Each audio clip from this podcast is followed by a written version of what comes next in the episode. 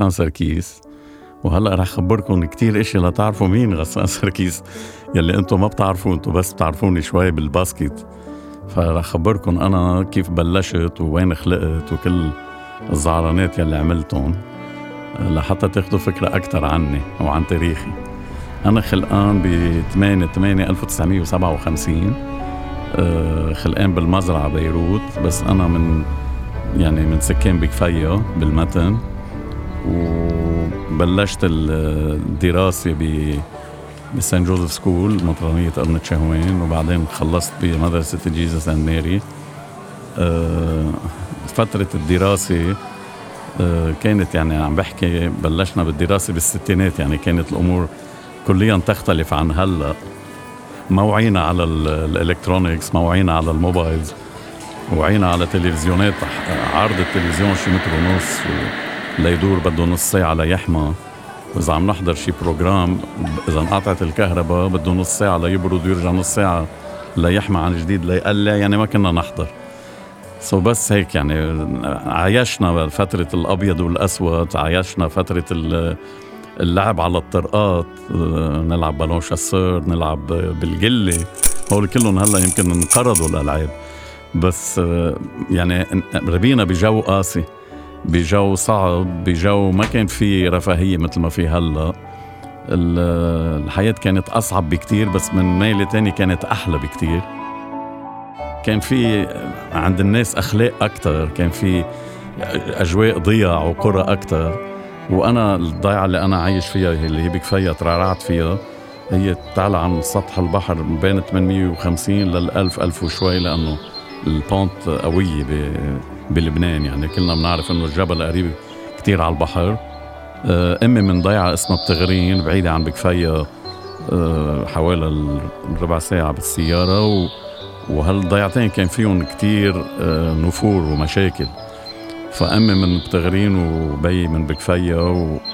ويصير مشاكل كتير. وأنا عيشت يعني كنت أطلع كتير أقعد عند بيت جدي. من بعد ما نقلوا أنا تربيت عند بيت جدي ببكفية كانوا عايشين عنا بالبيت. لأنه أهلي كانوا بأفريقيا. فأنا جامع الأضداد من أنا وصغير يعني ضيعتين كتير فيهم كراهية بين بعضهم. هيدي أيام زمان أكيد عم نحكي. فكنت أطلع أقضي وقت ببتغرين وبذات الوقت ببكفية وكنت حب اثنين وما زلت معلق بالضيعتين لأنه هول فيهم طفولتي كلها يعني. بالمدرسة كنت مش مشاغب بس كنت كتير حب الحق. وعا أيامنا كانوا التلاميذ ينضربوا. يعني إذا تلميذ عمل شو كان في تلاميذ يقعدوا داخلي full board يعني. الأهل يسافروا أو الأهل اللي عايشين بمناطق بعيدة يحطوا أولادهم بالمدرسة داخلي وهدول الأولاد مع الأسف يعني مع إنه عم نحكي عن مدارس آه، مفروض إنه تكون دينية. وهيدي عملت لي ردة فعل على رجال الدين بقولها بكل بكل صراحة. الطريقة اللي كانوا يتعاملوا فيها مع التلاميذ ما بدي فوت في كتير تفاصيل بس اشمئزيت منهم وما زلت. أنا بطبعي في كتير ناس يمكن يزعلوا مني أنتي رجال دين بال بالمدارس الكاثوليكية.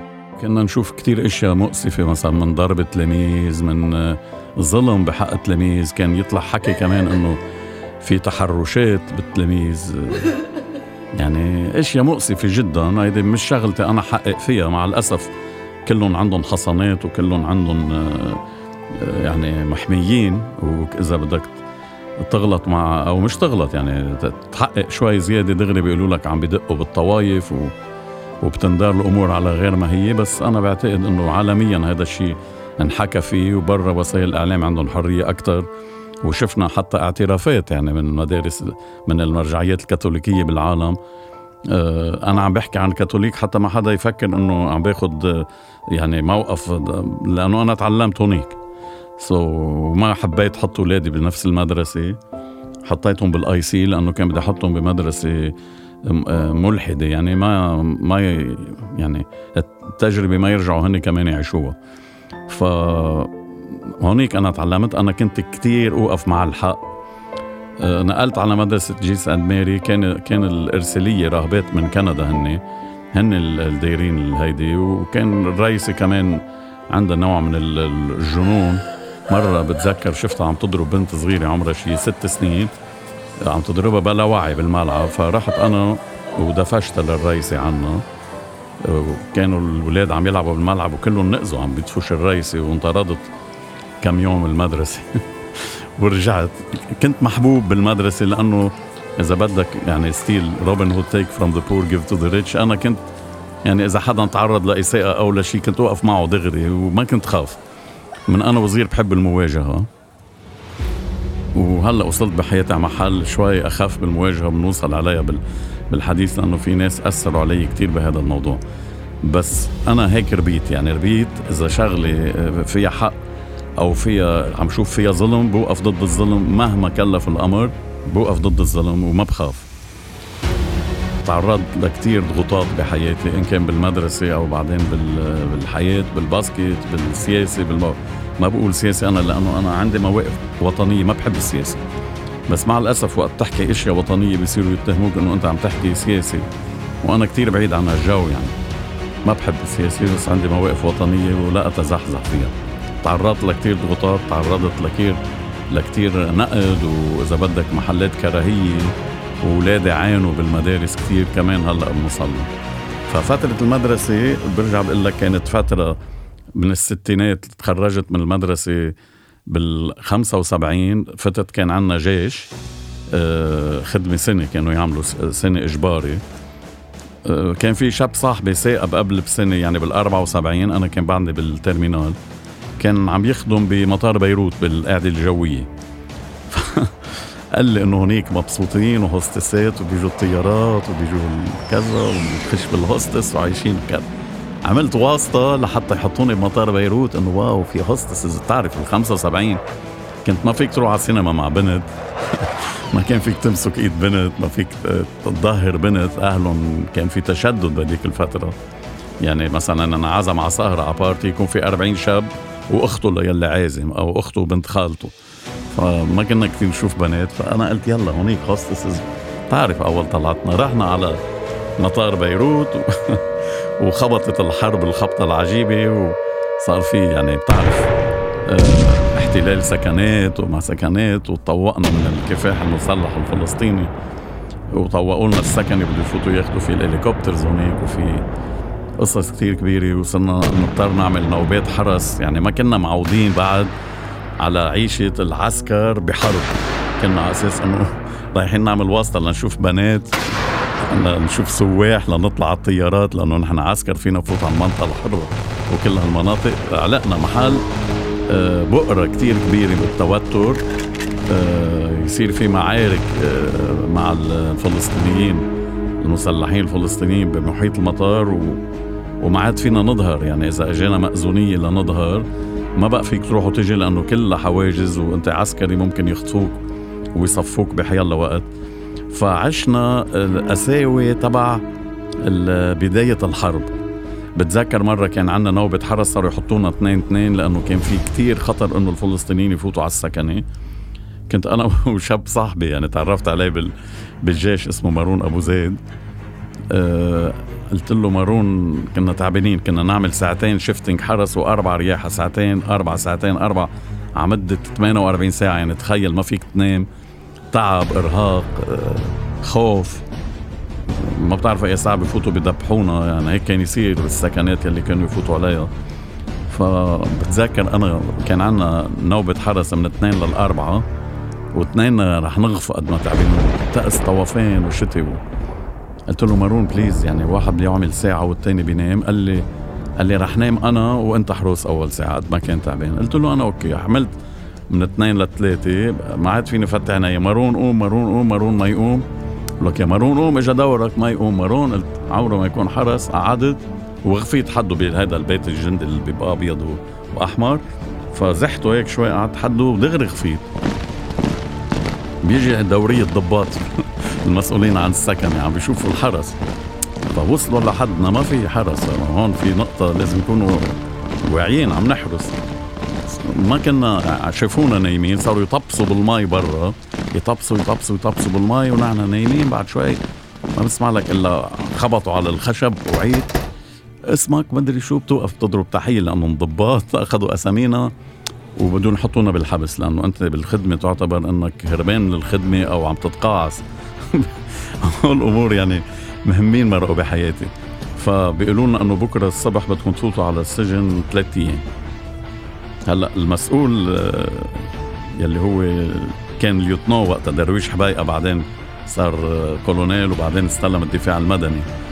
فالكولونيل حبيقة كان يلعب رياضة كتير وكان يحب ال basket كان وقتها lieutenant بعده ملازم أول.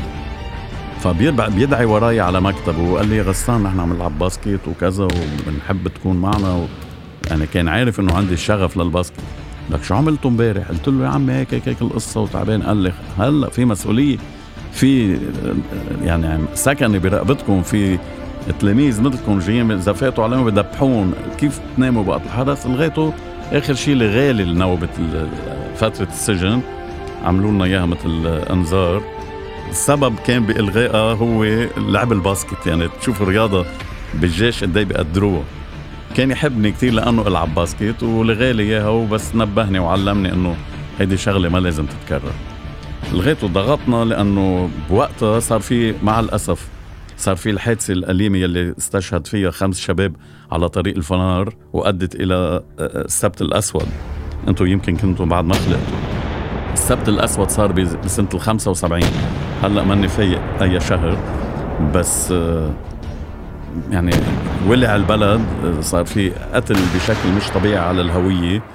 نزلوا حزب الكتائب لأنه مات من عندهم شباب آه، على طريق هذا قتلون الفلسطينيين برويسات الفنار آه، عملوا ردة فعل قوية عملوا حواجز.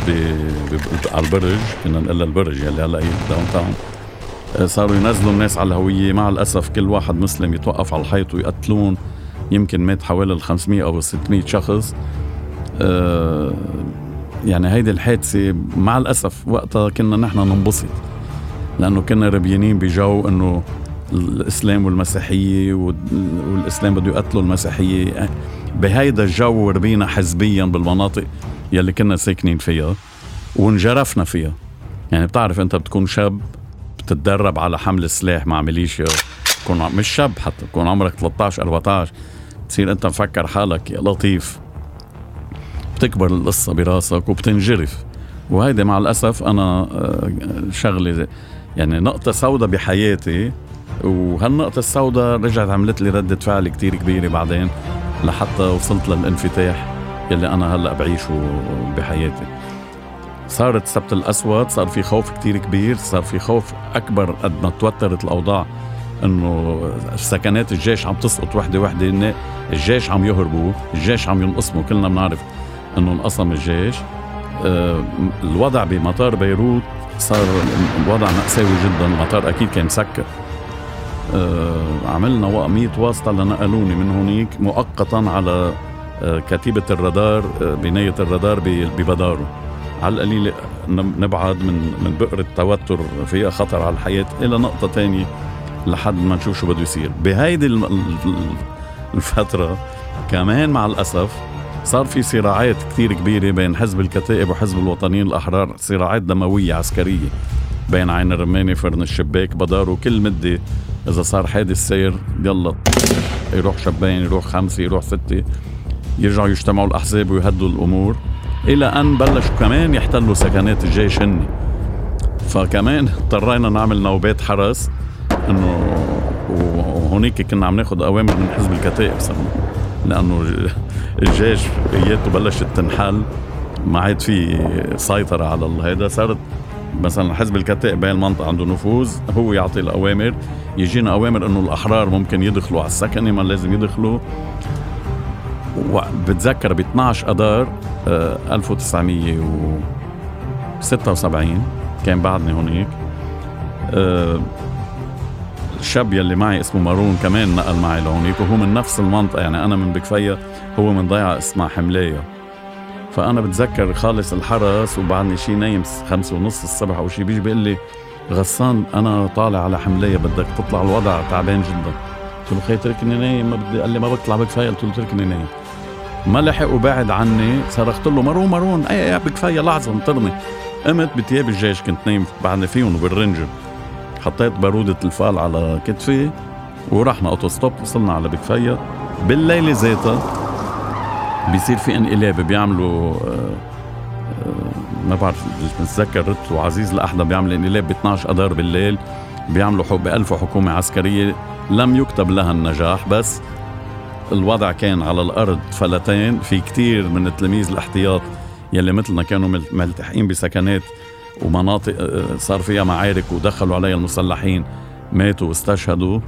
أه التحقت أنا بحزب الكتائب بكفية وكان في أه يعني حشود عسكرية لاجتياح منطقة المتن من من جهة ترشيش.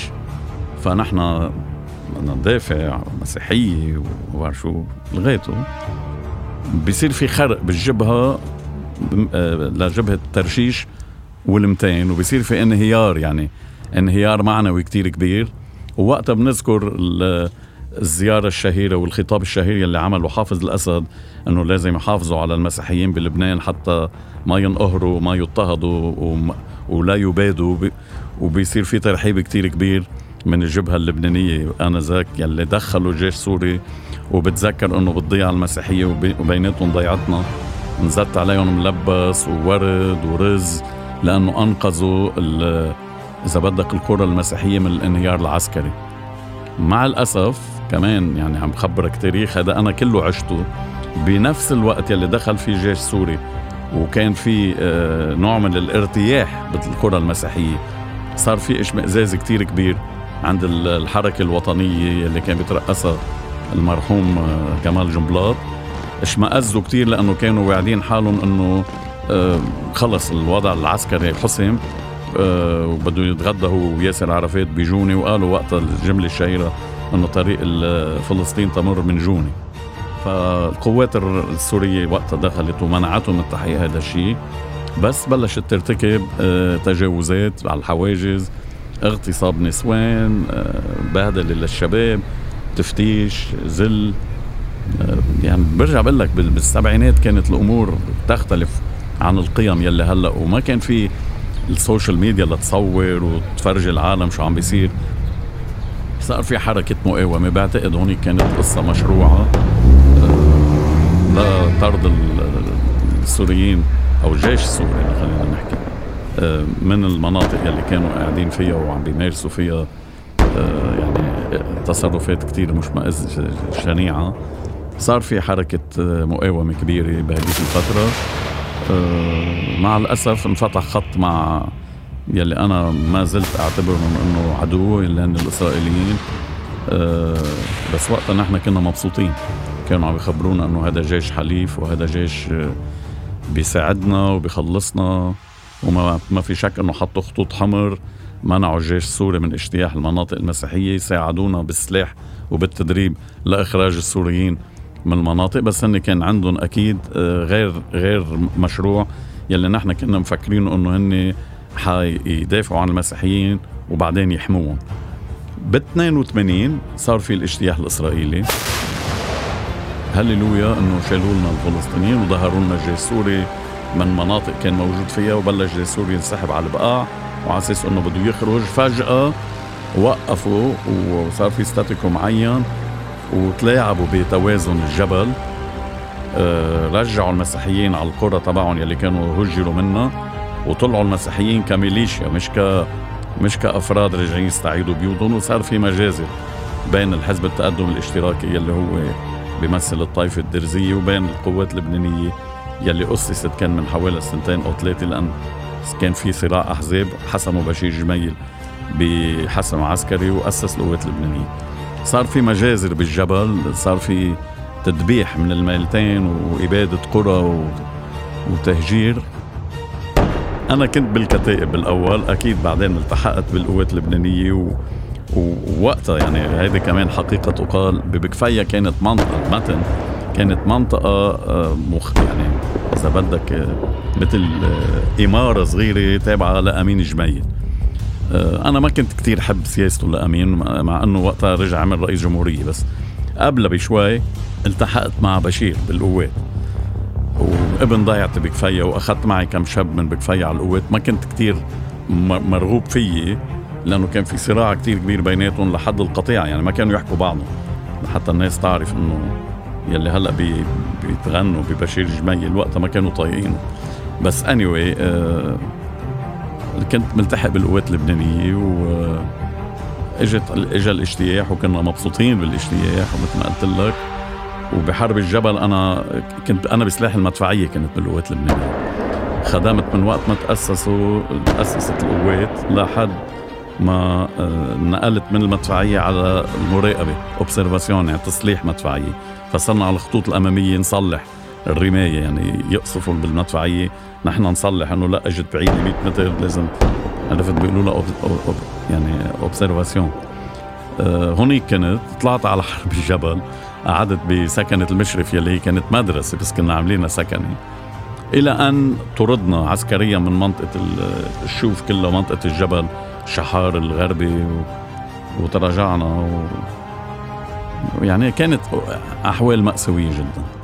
أنا حملت سلاح مع مع ميليشيا كنت مآمن إنه آه، قرانا مهددة بالزوال وبالاحتلال. وجودنا كان مهدد. وبفترة من الأوقات يعني إذا بدك من ال 75 إيه لأنه ما كان في جيش يحمي وكان في كفاح مسلح منتشر بدبي ومنتشر بتل زعتر ومنتشر بالكارنتينا ومنتشر حواجز حتى على كازينو لبنان وبالمتن. مقطع الأوصال كلها. كان عنا قضية إنه نحن بخطر صح؟ أنا بقول إنه وقت دخل الجيش السوري إلى لبنان وحسم آه، قصة إنه المسيحيين لن يبادوا يعني ما ما ما سمح. بإبادة القرى المسيحية. أنا بعتقد هونيك كان كان لازم نتوصل لنوع من الصلح الداخلي. آه، وقتها صار في كامب ديفيد. وكامب ديفيد آه، عمل خضة كتير كبيرة بالشارع العربي.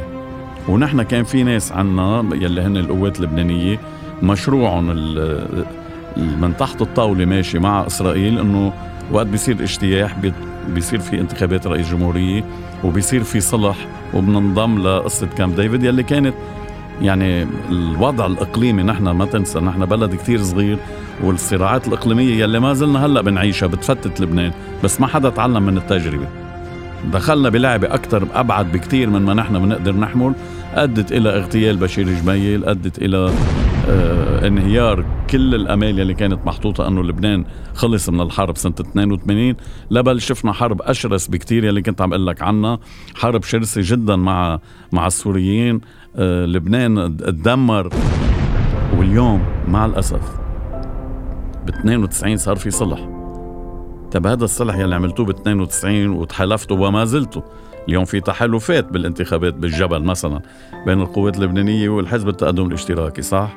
طيب من من ال من ال 77 أو 78 يا أخي أو 79 ل 92 ليه هجرتوا كل القرى بين بعضكم بحرب وأنتم عارفين إنه بالآخر رح تتفقوا واتفقتوا. طيب يلي ماتوا بكل هالفترة الأبرياء والأمات يلي رحنوا شهداء والقرى يلي تدمرت والناس يلي تهجرت والناس يلي تقطشت وما زالت عايشة معاقة.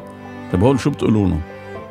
يعني أنا واحد منهم نحن ضحاينا شو بتقولوا لنا اليوم؟ أنتم عشو نحن بدنا إياهم يكونوا متفقين. ما عم نقول لهم نحن بدنا نحارب لا. بس أنتم لا حاربتوا بعضكم وقتلتوا بعضكم؟ وهلأ مثل الإخوة تتفقوا خلص ما كأن ما في شيء. رجع الوضع عادي. طيب ليه كل هالدمار وكل هالحقد والمجازر اللي صاروا بين بعضكم وكأنه شيء لم يكن يعني. وامات الشهداء وين؟ والشهداء وين؟ والدمار يلي صار وين؟ كأنه شيء ما حدا تحاسب. وإذا بتيجي لتحاسب واحد الطائفة بتوقف وراه وبيعملوا لك إنه عم بتدقوا بهي الطائفه وعم بتدقوا بهي الطائفه لبنان مركب مع الأسف مثل الإزاز المكسر بتلزقوا تلزيق ما حيركب لبنان إلا ما يلغوا هالنظام الطائفي البغيض. هذا أنا رأيي. فأنا اليوم من بعد التجربة بدي أقول لكل الشباب آه، ما ترجعوا تكرروا التجربة لأنه اليوم نسمع إنه إيه بدنا نعمل وبدنا نساوي وبدنا ما بعرف شو بدنا نقضي على ما بعرف مين ومدري مين بده يقضي علينا. بيخوفوكم بيخترعوا لكم عدو ليخوفوكم منه لتمشوا وراهم إنه هن حاميينكم هن ذاتهم أمراء الحرب يلي دمروا لبنان مستعدين يرجعوا يدمروا مرة تانية على دمكم انتو وبالآخر بيرجعوا بحلوها بتكونوا انتو متوا ولادكم أو إخواتكم أو أصحابكم أو أماتكم بيكونوا عم يبكوا عليكم وانتو رحتوا فرق عملة لأنه هيدول هذا النظام واللي دايرين النظام واللي متحكمين بالأحزاب بلبنان. مع الأسف بدوا يستغلوكم وعم نشوف الدعايات كيف عم يحشوكم ويشحنوكم ويعبوا لكم راسكم ضد بعضكم من أقل شغلة بتصير دغري بالتندار طائفية.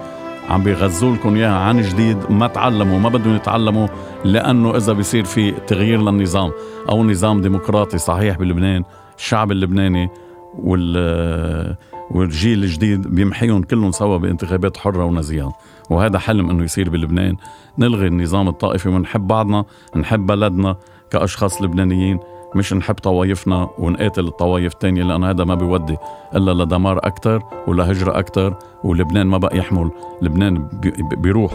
اليوم لبنان تقريبا مش موجود من وراء هالزمرة نفسها يلي عم خبركم عنها بالسبعينات والثمانينات شو عملت بلبنان. استلموا الحكم من وقت ما استلموا وتصالحوا بعضهم زعران أكثر من ما كانوا هلأ عم ينهبوا مقدرات البلد أوكي؟ وبعضهم هن ذاتهم وليك لوين كل واحد بزتها بالتاني وكل واحد بيقول لك خلوني وما خلوني. لو بدبوا غراضهم كلهم سوا وبيروحوا بيتركوا هالشباب وهالصبايا يعملوا بلد مثل ما هن بدهم بلد مبني على أسس آه، حضارية على قيم إنسانية على قيم أخلاقية على حب وطن مش حب طوائف ومش حب مناطق.